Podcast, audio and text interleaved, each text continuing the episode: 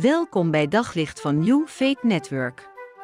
Luister elke dag naar een korte overdenking met inspiratie, bemoediging en wijsheid uit de Bijbel en laat Gods woord jouw hart en gedachten verlichten. Nou, als we het over bidden hebben, moeten we ook maar heel eerlijk zijn. Soms is bidden gewoon heel lastig. Uh, ik heb zelf ook wel meegemaakt dat er situaties waren in mijn leven waarin ik dacht van, wat, wat moet ik nu nog vragen aan God? Dat je eigenlijk uh, zo overweldigd bent door verdriet of door teleurstelling of door dingen die gebeuren, uh, dat je wil bidden, je wil dat heel graag delen met God, maar je hebt geen idee meer wat je zeggen moet. Soms ben je gewoon met stomheid geslagen en ik denk dat de meesten van ons dat wel eens hebben meegemaakt. Je weet het gewoon even niet meer. En als je dan wil bidden, wat, wat moet je dan doen? Nou, dat is heel mooi dat, dat de Bijbel het daar ook over heeft, over dat soort situaties. Paulus begint erover in Romeinen 8 dan, dan heeft hij het over het lijden van deze tegenwoordige tijd. Hè. Dat, dat, ja, we maken allemaal dingen mee die heel heftig kunnen zijn. Uh, niemand van ons komt onbeschadigd door het leven heen. Maar zegt hij dan, weet je, in dat lijden is er altijd hoop.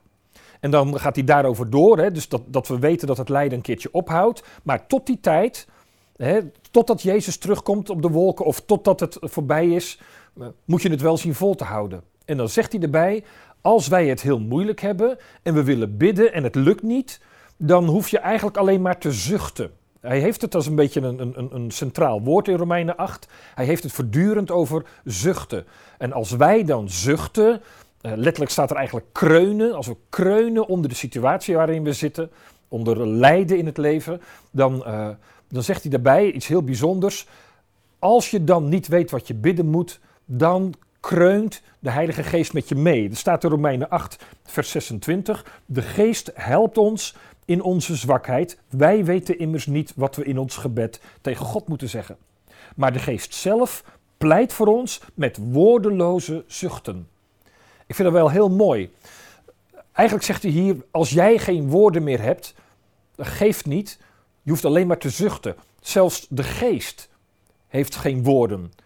God is zo bij ons en de Heilige Geest is in ons en, en, en leeft zo met ons mee in, in moeilijke situaties, dat ook de Geest niet eens woorden uitspreekt of dingen zegt tegen God, maar dat de Heilige Geest met ons meezucht.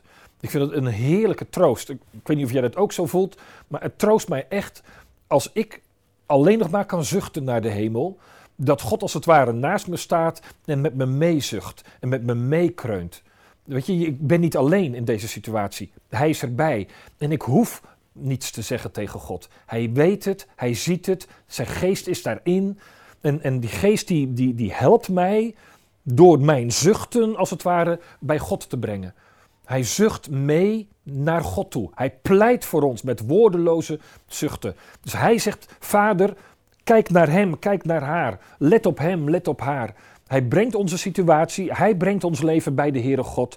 Zegt daar niet te veel over, maar zegt: Heer, hier is hij, hier is hij, hier is zij. Hou ze alsjeblieft vast. Als ik niet weet wat ik moet vragen, als jij het vandaag ook even niet meer weet, dat geeft niet. De geest pleit en brengt jouw zuchten bij je vader. Op zoek naar nog meer geloof, hoop en liefde. Op New Faith Network vind je honderden christelijke films, series en programma's. Nog geen lid? Probeer het 14 dagen gratis op newfaithnetwork.nl.